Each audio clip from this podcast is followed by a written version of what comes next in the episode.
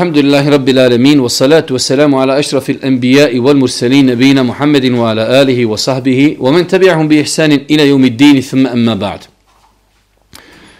Doista svaka zahvala pripada uzvišom Allahu subhanu wa ta'ala, salavat miri selam na Allahu poslanika, Allahog miljenika, Muhammeda alihi salatu wa salam, njegovu časnu porodcu, njegovu uzvrte asabe i sve ljude koji slijede put istine do sudnjega dana. Uvažna braćo, poštovani sestre, uvaženi gledatelji, evo opet nakon jednog kraćeg kraće pauze vraćamo se našoj zimskoj školi Islama. E, u posljednjim danima počeli smo govoriti o propisima posta. Večeras nas ako Bog da u ova dva druženja čeka mnogo toga, tako da prelazimo odma na stvar.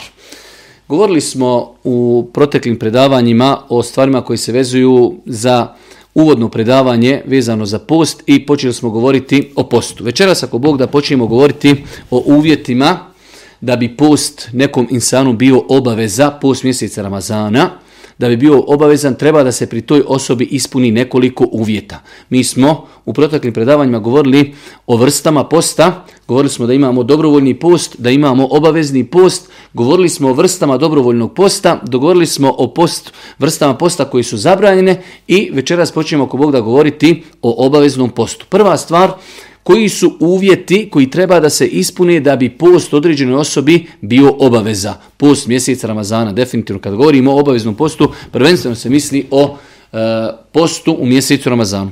Prva stvar, kao što je i običaj i u drugim e, i uvjet u drugim ibadetima jeste da je osoba musliman. Tako da rekli smo kada bi se desilo da čovjek musliman zajedno sa muslimanima ustane na sehur i cijeli dan, ništa ne uradi što kvari post i zajedno sa njima iftari, on od tog svog posta nema ništa zato što nema uvjet za primanje tog dijela, a to je e, vjerovanju Allaha subhanahu wa ta'ala. Druga stvar jeste da čovjek bude šerijetski obveznik, a kada se kaže šerijetski obveznik, e, podrazumijemaju se dva svojstva. Prva stvar jeste da je čovjek punoljetan znači da bi nekome post mjeseca Ramazana bio obaveza, treba ta osoba, bio muškarac ili žena, da je punoljetna. Da, djeca u islamu lijepo i pohvalno je, kao kada smo govorili o namazu, pohvalno je da se djeca prije punoljetstva navikavaju na post, ali im post prije punoljetstva nije obaveza, kada postanu puno, e, punoljetni, tada im je post mjeseca Ramazana obaveza. S tim što je lijepo navikavati djecu i ako poste u djetinstvu, oni će za to biti nagrađeni. Znači kada su u pitanju djeca, isti je propis kao i za namaz. Ako djeca klanjaju prije punoljetstva imat će nagradu, ako ne klanjaju neće biti griješni. Isto i sa postom, djeca ako u periodu dok nisu punoljetni poste, oni će zato biti nagrađeni, ali ako izostavi post nisu griješni, sve dok ne postanu punoljetni. Pa je znači uvjet obaveznosti posta određenim osobama jeste da budu e, širijetski e, punoljetne. Mi smo kada smo govorili o poglavlju namaza, govorili smo kako i na koji način se ustvrđuje punoljetstvo u islamu. Druga stvar, odnosno treći uvjet ili druga stvar koja se podrazumijeva kada islamski učenjaci kažu da je širijetski obveznik, rekli smo da je punoljetan i da je razuman. Kada u islamu čujete termin šerijetski obveznik, misli se dvije stvari, da je punoljetan i da je i da je razuman. Pa znači, ako, ne daj Bože, se desi da čovjek izgubi razum, onog momenta kada izgubi razum, njemu više nije obaveza da posti, njemu nije obaveza da posti, jer uvjet za ispravnost e, dijela jeste da čovjek ima namjeru, a nemoguće da osoba koja nije normalna da namjerava i da ima namjeru ispravnu za primanje ibadeta. Nakon toga, četvrti uvjet jeste da, da je insan sposoban, da ima sposobnost, da je moguće, znači da posti. Ovdje se misli na dvije također stvari, da nije bolesnik i da nije musafir.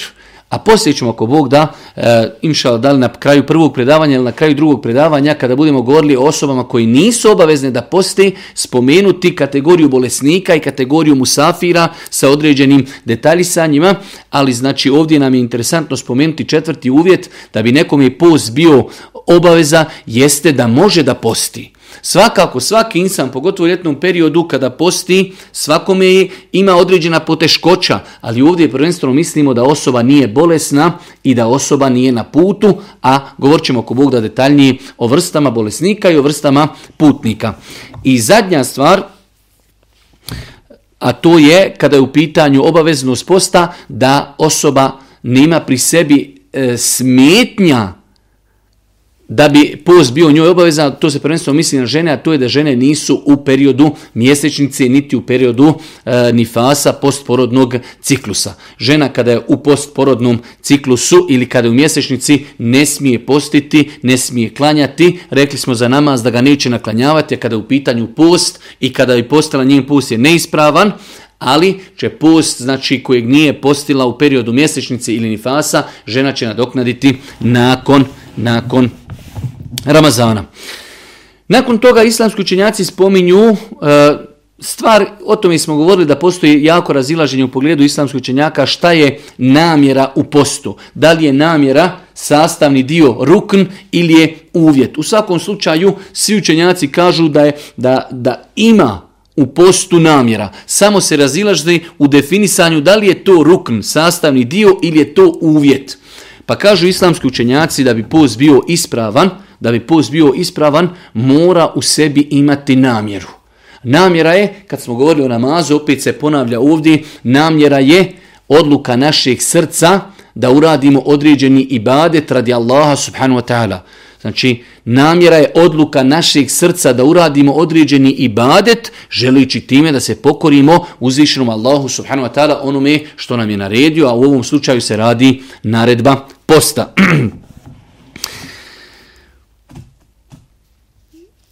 Kažu islamski učenjaci, govoreći o namjeri, kada je u pitanju post, prva stvar, nema potrebe i nije propisano da se namjera za post izgovara. Znači, kao što smo rekli i za namaz, kada čovjek klanja namaz, neće kazati ne to en usalije i tako dalje, zato što to nije preneseno niti od Božih poslanika, niti od ashaba, niti od tabiina i niti od koga u prva tri najbolja stoljeća u islamu. Isto tako kada je u pitanju post, čovjek naveče kada, hajde da kažemo, sahat naštima ili mobitel da će ustati na sehur, to je njegova namjera. Sutra kada ustane, kada se napije vodi, kada sehuri, to je njegova namjera da želi sutrašnji dan da posti.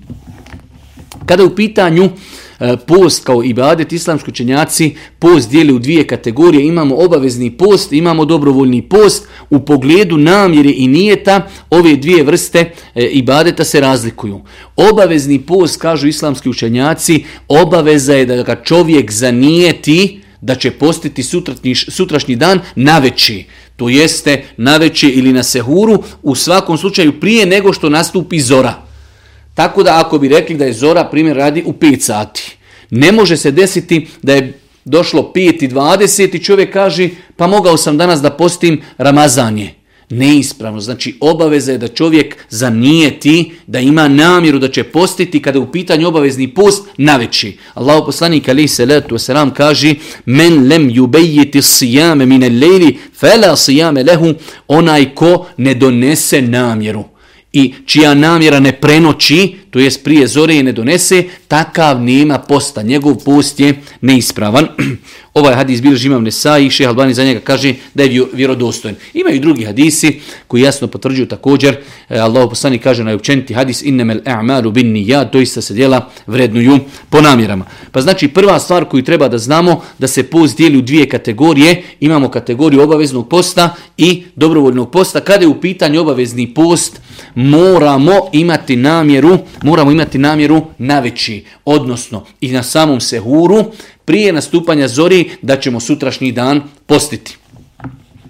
Postoji nakon toga razilaženje kod islamskih učenjaka e, da li kada je u pitanju mjesec Ramazan trebamo svaku noć da obnavljamo taj na, tu namjeru i nijet, da svake noći ka, u srcu kažemo, e, sutra ću postiti, ili je dovoljno da čovjek na početku Ramazana kaže, ako Bog da, inšallah, ja postim cijeli Ramazan i to je dovoljno. Allah najbolje zna svakako da je bolje da čovjek svake večeri obnovi namjeru i kaže sutra ću ako Bog da postiti i ustajem na sehur i tako dalje. Ali E, inšala biznila ako bi čovjek na početku mjeseca Ramazana zanijetio i kaže ja ako Bog da, ako budem živ i zdrav, postiću cijeli Ramazan, ta namjera njegova je dovoljna i ne treba se više tim pitanjem e, zamarati i svako njegovo ustajanje na sehur ako Bog daje obnavaljanje njegove namjeri. Osim u slučaju da se desi da u toku mjeseca Ramazana čovjek napravi prekid. Primjer radi čovjek je na početku mjeseca zanijetio. Postim ako Bog da cijeli Ramazan.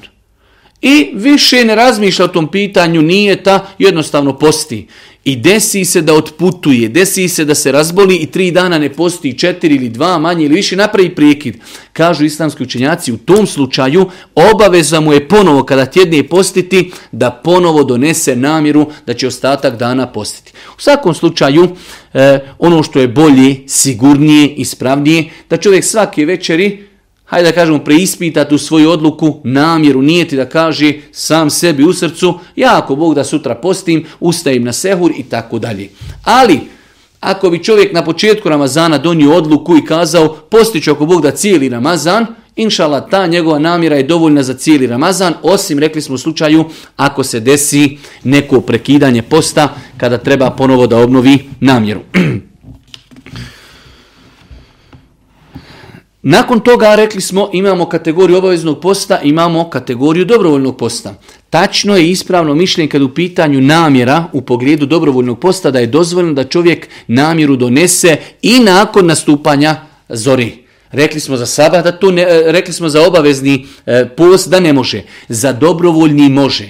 Znalo se desiti Božijem poslaniku, ali se leto je nam da nakon sabaha klanja Saba sa svojima sahabima, i nakon toga dođe s kućama svojih supruga i kaže ima lišta šta jesti? Kažu nema ništa, kaže Allah onda ću ja postiti.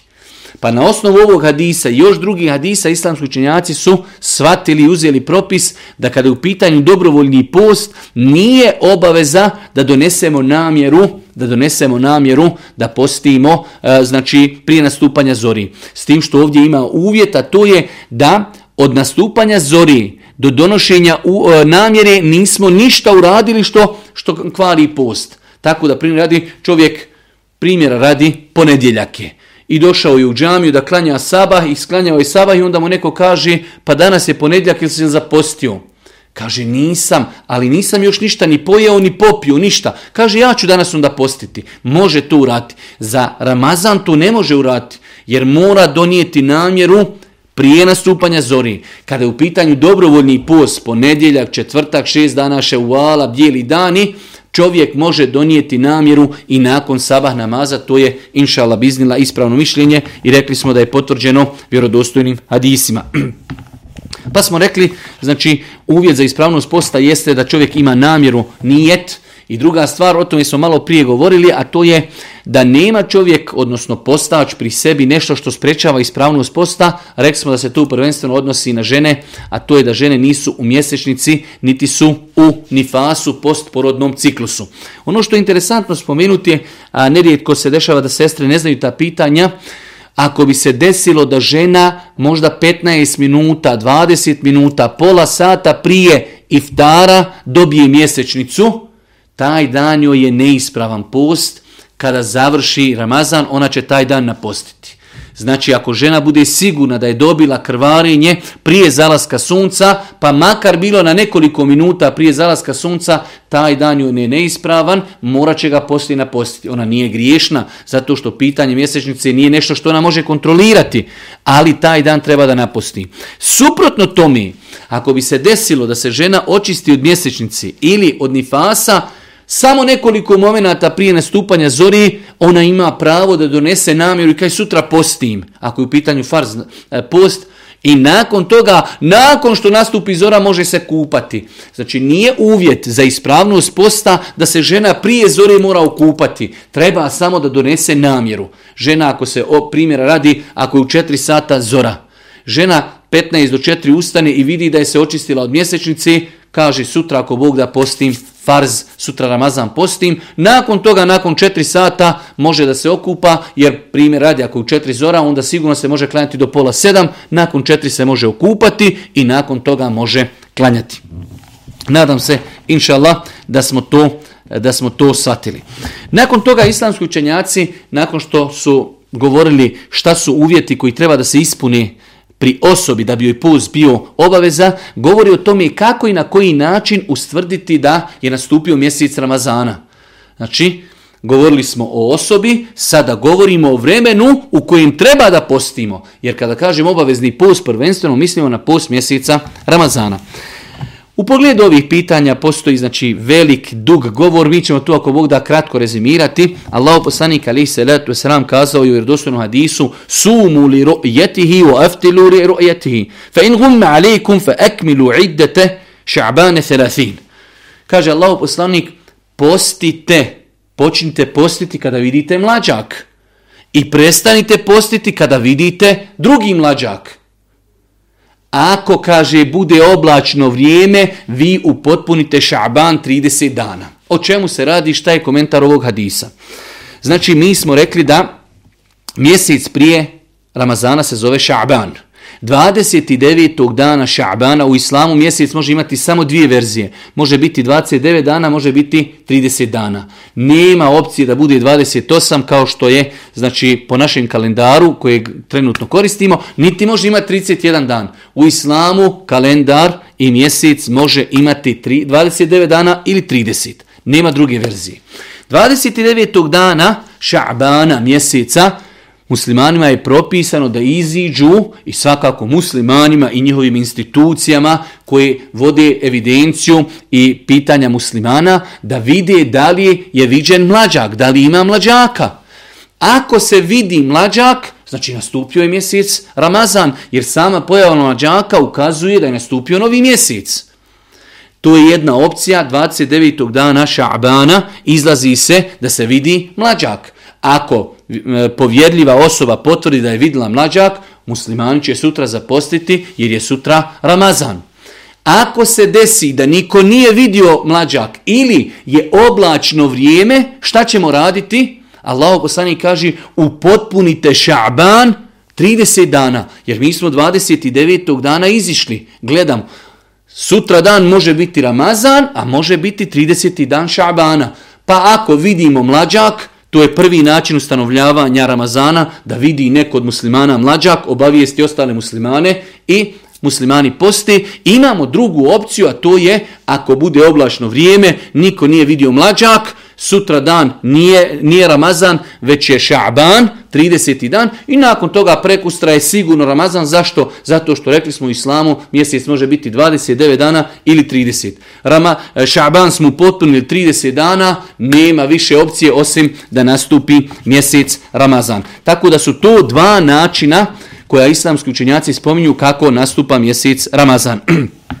Ovdje postoji mnoga pitanja, ne želim da vas umaram time jer ovo smatram da je zimska škola islama za početnike, ne treba da, da, da se umaramo nekim pitanjima oko kojih postoji veliko, veliko razilaženje kod islamskog učenjaka. Jedno od tih pitanja jeste ako muslimani jedne regije, jedne državi, u današnje vrijeme su to države, ako vide mlađak, da li ostali dio umeta mora da posti po njihovom viđenju ili ne mora. Uglavnom, od prijašnjih učenjaka, većina islamskih učenjaka je smatrala da ako muslimani jednog podneblja vide mlađak i ostali muslimani koji uspiju da dobiju informaciju od njih, obaveza im je da poste. U svakom slučaju postoji jako razilaženje i shodno tome imamo one podjele da li e, određene države poste, da li određene države ne poste. Nerijetko se dešava prije Ramazana da ljudi vode e, sedmicama rasprave kad ko posti, a ta pitanja su podležna razilaženju islamskih učenjaka. Da li će neko zaposliti postiti danas ili sutra, jednostavno, e, znači postoje tu razilaženje kod islamskih učenjaka, ima nekoliko pitanja koja jednostavno utječu na to da li će određene mjesto podneblje zapostiti ili ne. Tako da znači čovjek treba da u današnje vrijeme bude u pogledu toga tolerantan. Onaj ko posti, i posti zato što smatra da je mjesec nastupio. Onaj ko ne posti i smatra da nije post, onaj ko ne posti smatra da mjesec nije nastupio i ne posti. Jednostavno to je nešto što se zove u islamu ičtihad. Ljudi su se potrudili, pokušali su da dođu istin, do istine, pa su jedni shvatili da nije nastupio mjesec, jedni su shvatili da je nastupio mjesec. Tako da ne treba, ne treba mnogo, ne treba mnogo polemika da se vodi prilikom bajramovanja. E, određen broj ljudi želi da kaže e, cijeli umet bi trebao da se ujedini pa da, hajde da kažemo, da bajramuju zajedno. Umet muslimanski, znači muslimanske države su izuzetno velike i teško je ujediniti ljude na jednom propisu, tako da ne treba to deživljavati kao nešto, kao nešto negativno. E, Postoji treći način, kako se zove, određivanje nastupanja mjeseca, a to je e, proračunom e, i do dan danas velika većina islamskih učenjaka smatra da proračun nije validan način da se odredi nastupanje mjeseca. Svakako, ja znam da velik broj ljudi sada kad čuje ovu informaciju odmah kaže to je bilo prije 1400 godina, danas je tehnologija napredovala i tako dalje. Nije problem da se ustvrdi da li je bila mijena ili nije. U islamu se svi propisi vezuju za viđenje mlađaka. Pa je znači tu nastao problem što su e, u datom momentu današnji broj određenih učenjaka počeo da vezuje e, nastanak mjeseca Ramazana za pojavu mijene. Da li je bila mijena ili nije. Dok Islam ne vezuje pitanje nastupanja mjeseca za mijenu. Na, vezuje nastupanje mjeseca za viđenje mlađaka. U svakom slučaju, ako neko smatra da mjesec Ramazan, nastupanje mjesec Ramazana se može odrijediti i proračunom, to je njegovo mišljenje i treba ga poštovati kao što treba i poštovati da neko kaže ne, viđenje mlađaka je nešto što je preporučio Božji poslanik ali se letu sram i držimo se samo toga. U svakom slučaju rekao sam da su to pitanje u pogledu kojih postoji, postoji e, velika ražilaženja kod islamskih učenjaka, tako da čovjek treba da bude tolerantan, svako radi ono što je ubijeđen u svome srcu i ne treba nekoga vršiti pritisak da radi nešto što nije u njegovom ubjeđenju.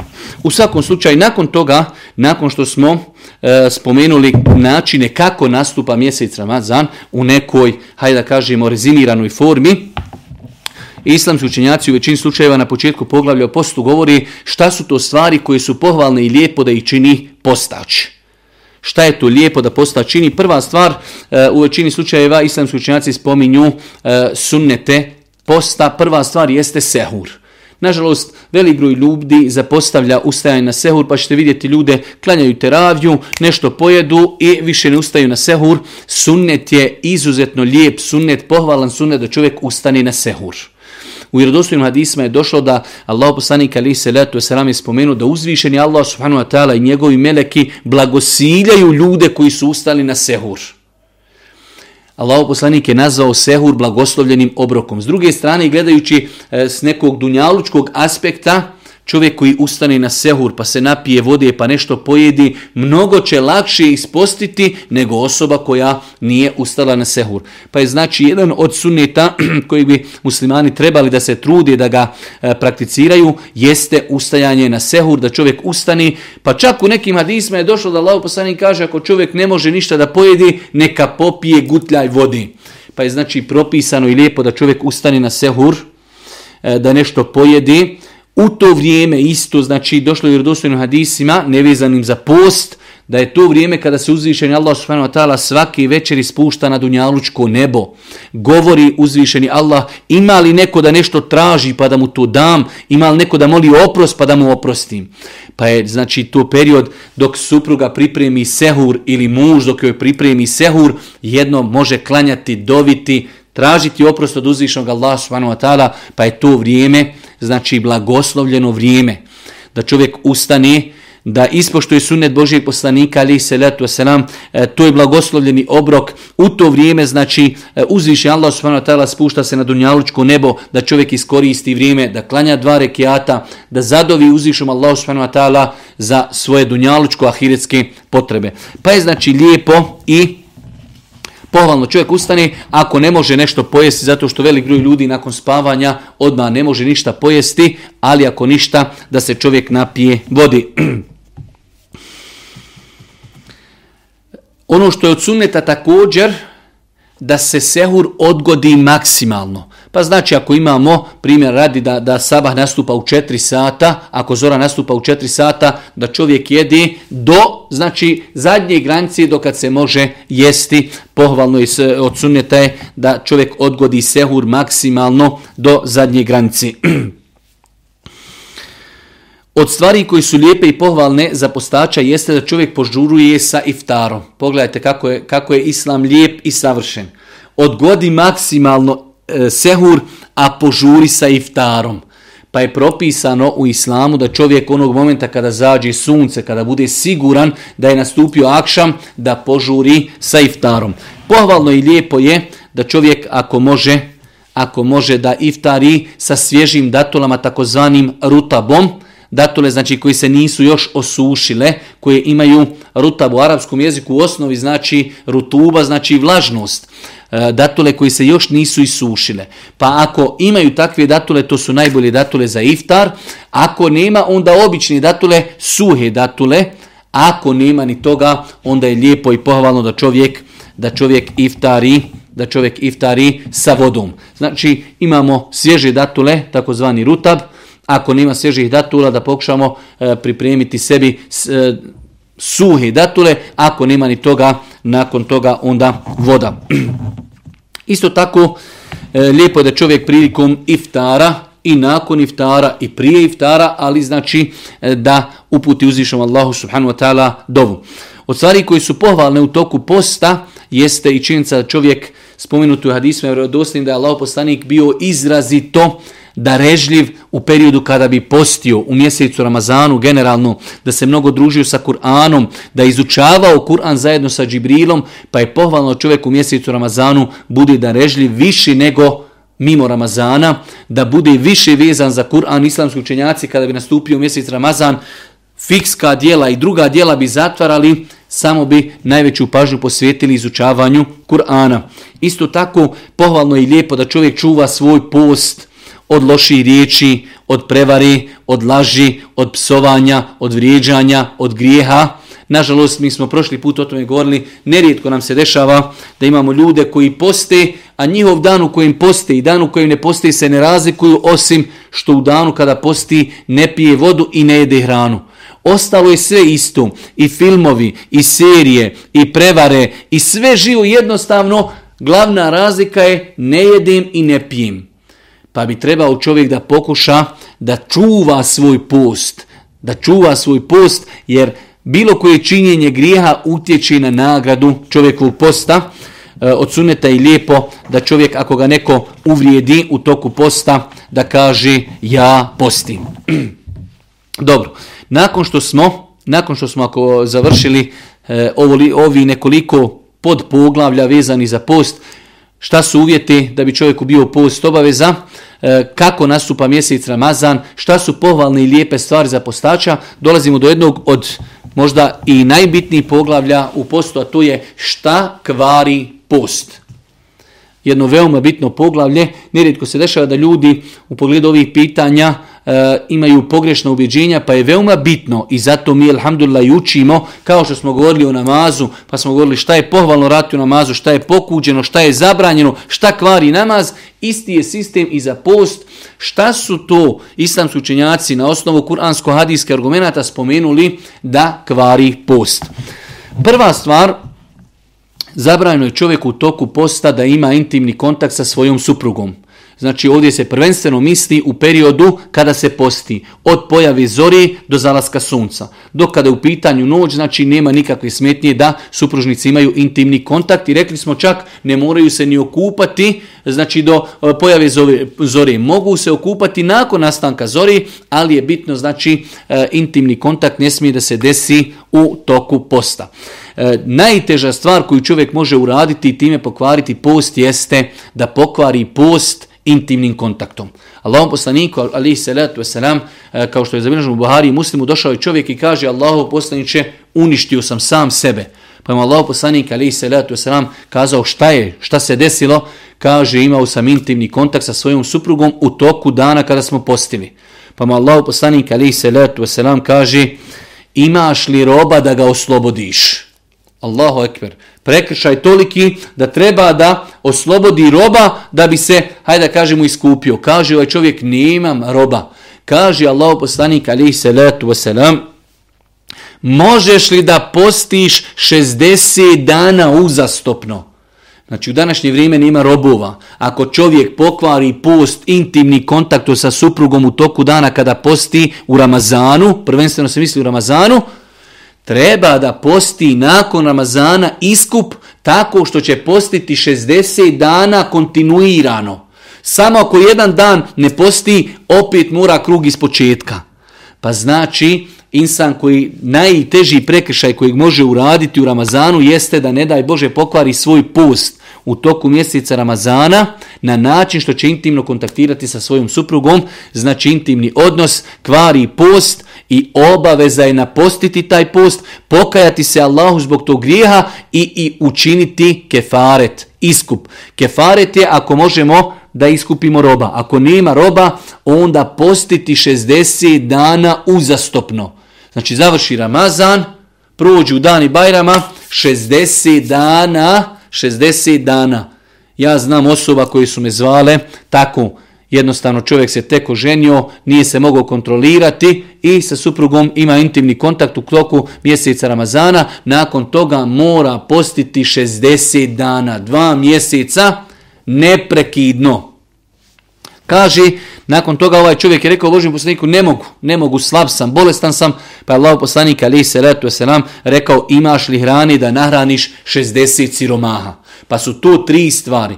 Znači, prva stvar koja kvari post i to je najteži prekršaj jeste da čovjek ima intimni kontakt sa suprugom u toku dana kada posti u mjesecu Ramazana. Kada bi to uradio izvan Ramazana, on je pokvario post, učinio je zabrajnu stvar, ali ne mora se iskupljivati ovom iskupom, iskupom koji su spomenuli. Ali ako u Ramazanu pokvari post, mora prva stvar znači da se pokaja Allahu jer je učinio grijeh. Druga stvar, treba da taj dan napusti, taj dan treba da napusti i treba da se iskupi. Iskup ide redoslijedom, prvo se traži rob, ako nema roba, onda se posti 60 dana uzastopno. ako je čovjek mnogo bolestan, star, ne može da posti 60 dana, onda prelazi na treću kategoriju, a to je da nami da nahrani 60 siromaha. Da nahrani 60 siromaha. Tako da, e, Čovjek vjernik treba da poznaje ovaj propis i da zna da je to najteži prekršaj koji čovjek može uraditi čime može e, pokvariti svoj post. Nakon toga, nakon toga druga stvar koja kvari post jeste da čovjek da čovjek doživi ejakuliranje sjemena, znači svjesno da on uzrokuje. Govorit ćemo poslije od stvari koje ne kvari post, jeste da čovjek zaspi i u toku sna se desi e, poluciranje. To je nešto drugo, ali ovdje govorimo nešto što je e, slično primjer, radi o nanisanju ili čovjek gleda određeno e, neke porno scene ili nešto što nije dobro i doživi ejakuliranje njegovim sebebom, znači poluciranje e, sjemena, na taj način je njegov post pokvaren. Pa smo rekli, znači, bez obzira na koji način da bi čovjek bio uzrokom, on da bude uzrokom da čovjek znači polucira e, e, sjene, njegov post je, njegov post je pokvaren, osim u slučaju što se iz svega toga izuzima e, san, ako bi čovjek zaspao u toku dana kada posti i nakon toga vidio ili osjetio ili doživio da je polucirao u snu, to ne kvari post po konsenzusu islamskih učenjaka kada se probudi obaveza je samo da se okupa i nastavlja svoj post. Ali bilo koje drugo Znači, e, izbacivanje sjemena uzroke kvarenjem posta. E, treća stvar koja kvari e, post jeste namjerno i svjesno jedenje i pijenje. Znači ovdje su veoma bitne ove klauzule namjerno, čovjek jede namjerno i svjestan je. Jede i pije. Ovi, znači, klauzule kada se ispuni, kvari post. Čovjek vjernik ako bi u toku posta nešto pojeo ili nešto popio, svjestan da posti, namjerno to uradio, njegov post je neispravan. Navodio sam možda prošli put primjer onog jednog čovjeka, kaže, imao je veliki grozd i počeo da jede grožđe, počeo je da jede grožđe, e, znači grozd po grozd, jeo je, jeo je dok nije ostalo samo jedno, znači zrno. I sjetio je se. Sve dok je jeo i zaborava, njegov post je ispravan. Pa kada je ostalo samo jedno zrno, on sam sebi kaže, pogledaj koliko sam pojeo, a ako mi ovo nije sve pokvarilo post, neće ni ovo jedno zrno. Pa je pojeo to jedno zrno i to jedno zrno mu je pokvarilo post. Pa znači čovjek ako bi jeo u zaboravu, bez obzira koliko da pojedi, ali u zaboravu, čovjek njegov post je ispravan. S tim što treba napomenuti, ako bi neko nekoga vidio da jede u zaboravu, obaveza mu je da ga napomini. Ali čovjek kada bi pojeo, znači sam kilu pite ili više ili manje, sve u zaboravu, njegov post je ispravan. Allah poslanik ali se letu Sram kaže, to ga je uzvišeni Allah napojio i nahranio. Ovdje govorimo šta kvari post, kvari namjerno i svjesno jedinje i pijenje. Tako da čovjek ako popije vodu ili pojede nešto u zaboravu, njegov post je ispravan. Ako to uradi svjesno, znajući da posti, njegov post je, njegov post je neispravan. Isto tako kažu islamski učenjaci, ono što e, uzima e, isti propis kao hranu, ono što ima istu ulogu kao hrana. Pa primjer rani danas u današnje vrijeme da čovjek uzme infuziju koja će jednostavno postići isti efekat kao hrana i voda. Jer čovjek kada uzme infuziju, jednostavno više nema potrebe ni za hranom ni za pićem. Pa kažu čak islamski učenjaci uzimanje e, krvi, da čovjek znači dobije krv u kojoj ima nova plazma koja ojačava čovjekovo tijelo, i to kvari, i to kvari post, ili čak kažu islamski učenjaci konzumiranje duhana. Određen broj ljudi počinje da filozofira pa kaže šta je duhan, nije jelo, nije piće i u toku Ramazana e, konzumira duhan što je neispravno. Znači ono što ulazi u organizam, a slično je hrani i slično je piću, kvari post. Pa smo rekli e, da to obuhvata čak u savremenom dobu i inekcija. Mi ćemo inšala u drugom predavanju, na kraju predavanja govoriti o savremenim pitanjima vezanim za post. Znači inekcije se mogu podijeliti u dvije kategorije. Imamo inekcije koje su e, za protiv bolova ili nešto što im je slično. Takve inekcije ne kvari prost. Post dok kada je u pitanju infuzija, kada je u pitanju inekcija koja je hranljivog sa, znači sastoje, njezni sastojci, sastojci su hranljivi, onda to nadomještava hranu i piće čovjeku i samim tim e, čovjek ako bi to konzumirao u toku posta pokvario bi post.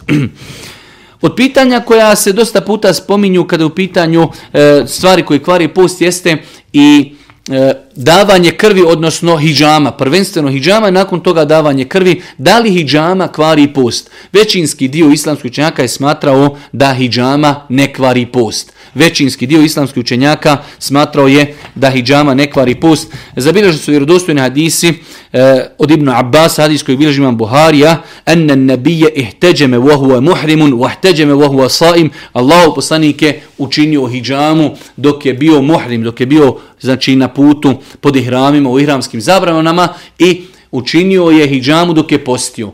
Pa je inšala biznila ispravno mišljenje da hijjama ne kvari post. Ovo govorimo samo da li kvari ili ne. Svakako da je bolje prvo eh, da čovjek odgodi činjenje hijjami na veći. Iz razloga zato što je bilo učenjaka koji su kazali hijjama kvari post. Pa je to bolje ne činiti zbog tog dijela učenjaka. A s druge strane, kako to ne bi oslabilo čovjeku, znači tijelo i možda da ne dođe čovjek u situaciju da nešto mora pojesti ili popiti zato što možda dobije vrtoglavicu, padne unesisti i tako dalje. Pa kada je u pitanju hijjama, mi kažemo u osnovi hijjama ne kvari post. Ali preporučuju islamski učenjaci da se hijjama ne radi u periodu dok čovjek radi, dok čovjek posti iz razloga kako ne bi možda sam sebe doveo u situaciju da mora prekinuti post jer mu je potrebna možda voda ili hrana i tako dalje. Shodno tome i darivanje krvi je isti propis. Da li čovjek može darivati krv u toku e, posta? Može darivati krv, ali bolje je ako ikako to može da odgodi nakon iftara. Ako to ikako može da odgodi nakon iftara. Svakako rekli smo, postoji jako razilažen kod učenjaka, tako ako bi sutra nekoga vidjeli da preferira mišljenje i zastupa mišljenje da hijjama kvari post, mi poslujemo i respektujemo njegov stav, ali znači vjerodostojni hadisi potvrđuju da je Allah poslanik ali se letu selam radio hijjamu dok je bio postač. Od stvari koji kvari post šesta stvar jeste namjerno povraćanje. Namjerno povraćanje kvari post. Pa kažu islamski učenjaci, povraćanje se može podijeliti u dvije kategorije. Imamo povraćanje namjerno, izazvano ljudskim faktorom. Može čovjek na, povratiti tako što će staviti prst u usta.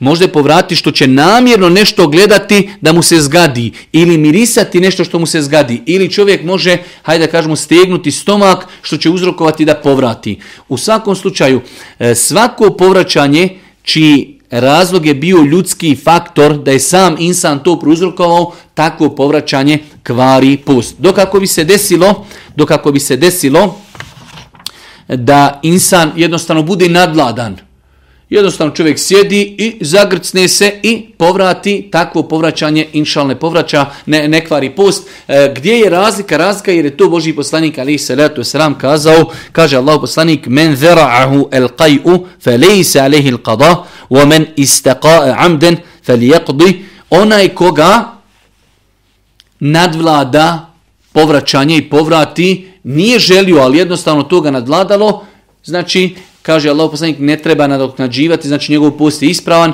dok kaže Allah poslanik ali se letu sram, onaj koji uzrokuje povraćanje, obavezamo je da taj dan, obavezamo je da taj dan naposti. Tako da, znači kada je u pitanju povraćanje ispravno je mišljenje u pogledu toga da se povraćanje dijeli u dvije kategorije. Imamo povraćanje namjerno koje čovjek uzrokuje i imamo povraćanje znači koje jednostavno je nadvladalo čovjeka. Ono koje je nadvladalo čovjeka, ono ne kvari post, dok ono koje čovjek uzrokuje, bez obzira da li uzrokovao stavljajući prst u usta, gledajući nešto loše, mirisajući nešto loše, stezući svoj stomak ili bilo šta drugo, ako čovjek bude razlogom da povrati, onda je njegov, njegov post pokvaren.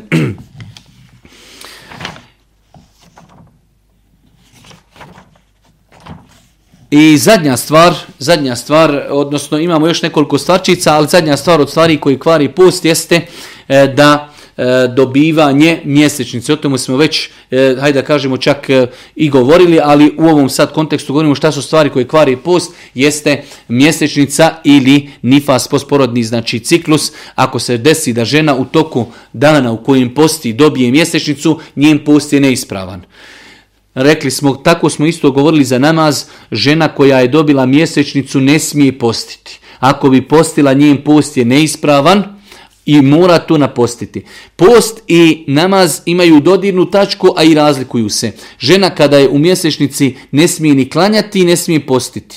Ali pošto je pet dnevnih namaza, onda propisano je da žena ne treba naklanjavati namaze koje je e, propustila u periodu mjesečnici dok kada je u pitanju post, propisano i naređeno je ženi koja je propustila određene dane, 3, 4, 5, 6 ili 7 dana, koji nije postila zbog mjesečnicu mjesecu Ramazanu, ženi je obaveza da te dane naposti. Isti je propis, znači i sa, isti je propis i sa sa nifasom posporodnim ciklusom. Imamo ovdje nekoliko kratkih pitanja i time ćemo inšala završiti, završiti e, ovaj ders, a nakon toga ćemo, ako Bog da, nakon toga ćemo e, u drugom predavanju govoriti o propisima e, kako napostiti post, šta je dozvoljeno raditi postaču i određenim e, savremenim pitanjima. U svakom slučaju e, da rezimiramo i ponovimo šta su to stvari koje kvari post, jer je to jedno od najbitnijih pitanja nakon što smo rekli e, da je definicija posta da čovjek posti u periodu od izlaska, od pojave zori do zalaska sunca,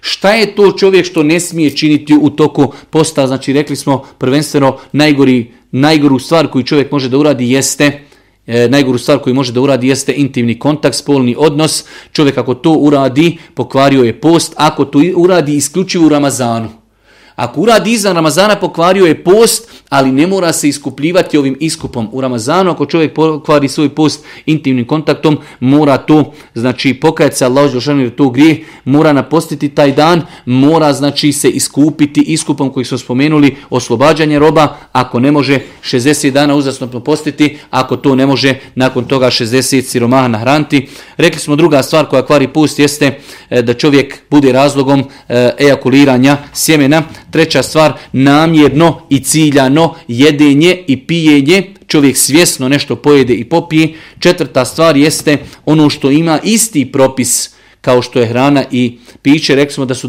u današnje vrijeme tu e, inekcije koje su hranljive, e, davanje krvi, davanje krvi ili čak, kažu islamski učenjaci, i duhan. U pogledu i kazali smo da postoji jako razilažen kod islamskih učenjaka, tačno je mišljenje da hijjama ne kvari post, samim tim analogno mi dozvoljeno je i dati krv u e, periodu kada čovjek posti, ali rekli smo da je svakako bolji bolje da čovjek to ne čini u vremenu posti.